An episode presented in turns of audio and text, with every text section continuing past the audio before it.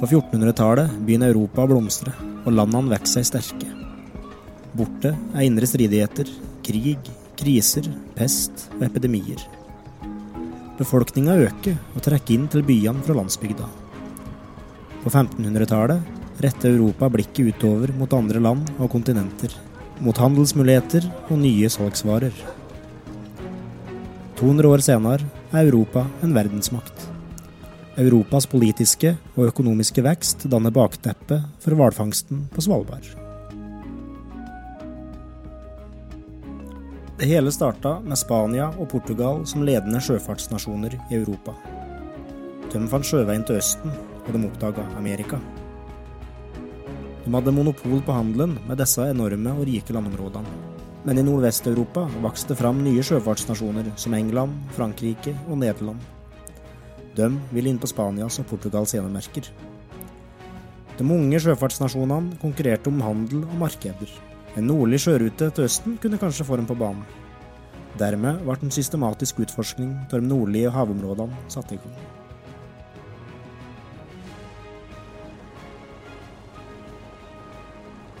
I årene etter oppdagelsen av Svalbard ble det rapportert om store mengder hval, sel og hvalross rundt øygruppa.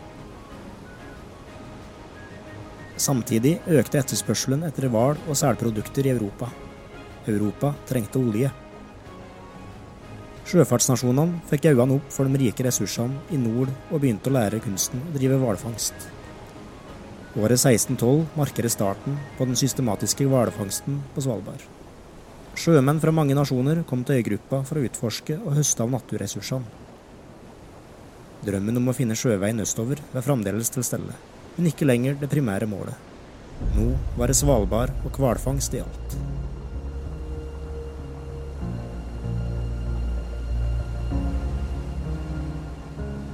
Som så mange geografiske oppdagelser var på Svalbard funnet ved en tilfeldighet. Egentlig var et helt annet mål oppdagerne søkte. Men det var ingen tilfeldighet at oppdagelsen ble gjort av nederlendere, og heller ikke at det skjedde på slutten av 1500-tallet. Det lille Nederland var på denne tida en stor handels- og sjøfartsnasjon. Landet var i rask økonomisk vekst og ledende innenfor skipsteknologi, sjømannskap og geografi. Nederland hadde aktive myndigheter og et rikt handelsborgerskap. Disse kunne utruste ekspedisjoner over hele verden og for å finne nye markeder og muligheter. Spania og Portugal kontrollerte de viktige sørlige sjørutene til Østen. Derfor var nederlenderne oppsatt på å finne en nordlig sjørute til disse verdifulle markedene. Og det ble grunnlaget for det vi i dag kjenner som Nordøstpassasjen. I mai 1596 seilte to nederlandske skip fra Amsterdam med kurs mot nord. Disse to skipene ble ført av Jan Cornelis Ripp og Jacob van Heemskerk. Wilhelm Barents var navigatør på Hemskerks skip, og ekspedisjonens faktiske leder. Dette var det tredje året på rad Barents søkte etter Nordøstpassasjen. Både i 1594 og 1595 ble ekspedisjonene stoppa av is i Karahavet.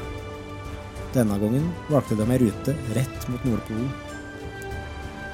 Allerede 5. juni støtte skipene på drivis.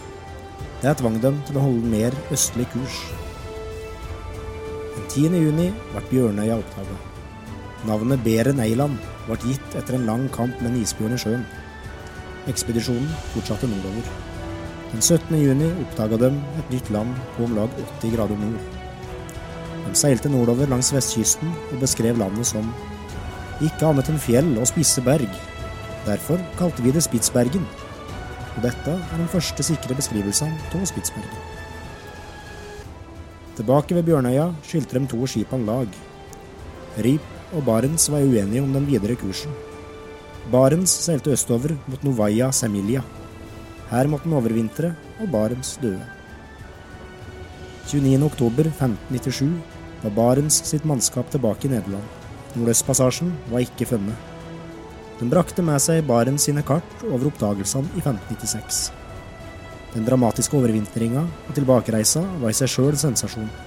Aldri før hadde europeere overvintra på så høye breddegrader som 76 grader nord.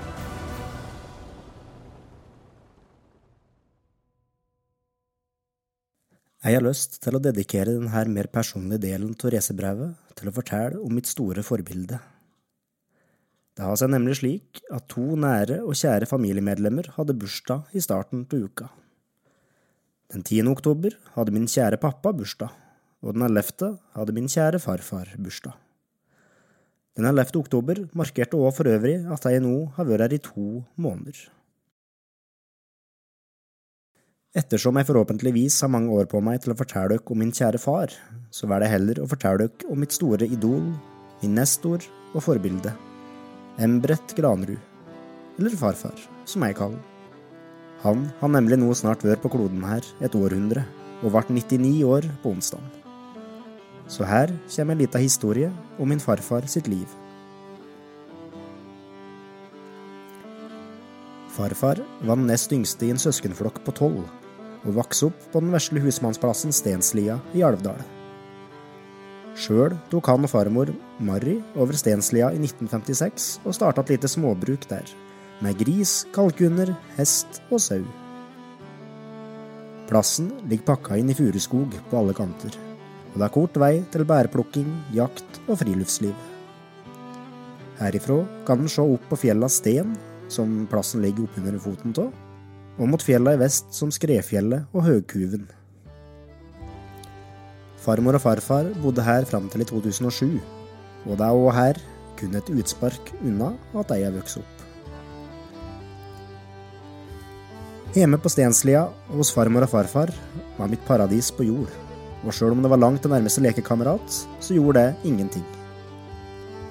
Her, hos farmor og farfar, skjedde det alltid noe spennende, som fenga og begeistra en liten pjokk. Det var alltid stas å få sitte på med farfar i traktoren og ture innover skogen for å hjelpe til med ved. Eller uh, se på at han drev med ved, da, som jeg stort sett gjorde mest. Sjølve lukta av barndommen min kom fra bakstuset til farmor inne på fjøset. Her bakte hun lefse, flatbrød, gjønbrød og snipp, og det var aldri mangel på godsaker på bordet hjemme hos farmor og farfar. Og jeg tilbrakte frokoster, middager og åt kveldsmat hos dem så ofte jeg kunne. På kveldene sprang jeg opp til farmor og farfar for å sparke boll mot låveveggen. Og hvis jeg så at farmor og farfar satt i stua, så kunne jeg drive på i timevis, før jeg sprang inn og spurte innstendig om jeg kunne få litt kveldsmat eller en kopp kakao. En bedre barndom tror jeg ingen kan ha. Det var ofte mye liv og røre oppe på Stenslia. Farmor og farfar hadde en stor vennekrets som de ofte var sammen med, som sang og spilte i lag, spilte kort, dro på bilturer, molteturer og fisketurer. Dette fikk jeg ofte bli med på òg, og som gjorde at den aldrende vennekretsen til farmor og farfar òg ble mine venner, i mangel av andre. Men som alt annet her i livet har alt en slutt. Vennegjengen er borte, farmor er borte, og Stenslia har gått videre til en ny generasjon. Men heldigvis har jeg alle minnene, og jeg har fortsatt farfar. I 2014 flytta jeg tilbake til Alvdal for å være rundt farmor og farfar når livet begynner å gå mot en naturlig slutt. Da var farfar 88 og farmor 84 år, og det er jo ganske naturlig at besteforeldre begynner å dette bort, da. Farmor gikk bort i 2018, men farfar er fortsatt der. Slik som den seige og flittige arbeidskaren han alltid har vært. Sjøl om det lenge har vært en drøm å flytte hit til Svalbard, så satt det ganske langt inne å faktisk gjennomføre det. To dager før jeg dro hit, var jeg innom farfar. Et besøk som kanskje ble mitt siste. Og sjøl om farfar er overraskende sprek og i god forfatning, så vet man jo aldri når timeglasset en gang for alle renner ut. Og mitt verste mareritt er at jeg ikke rekker å få komme hjem igjen og få sett farfar en aller siste gang. Farfar er en så enorm del av hvem jeg er som person, og han og alle hans fantastiske gode sider ligger dypt i mitt DNA.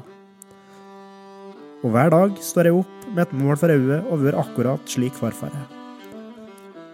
Modig, raus, omsorgsfull, hjelpsom og varm.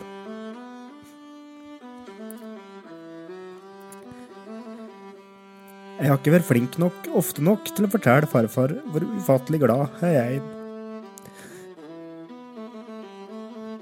Så jeg håper at noen av dere hjemme kan spille av det her opptaket for ham. I tilfelle jeg ikke rekker hjem igjen i tide til å gjøre det sjøl. Takk for alt du har vært. Takk for den du fortsatt er, og ikke minst, takk for at jeg har fått vokse opp under ditt åsyn og dine trygge vinger.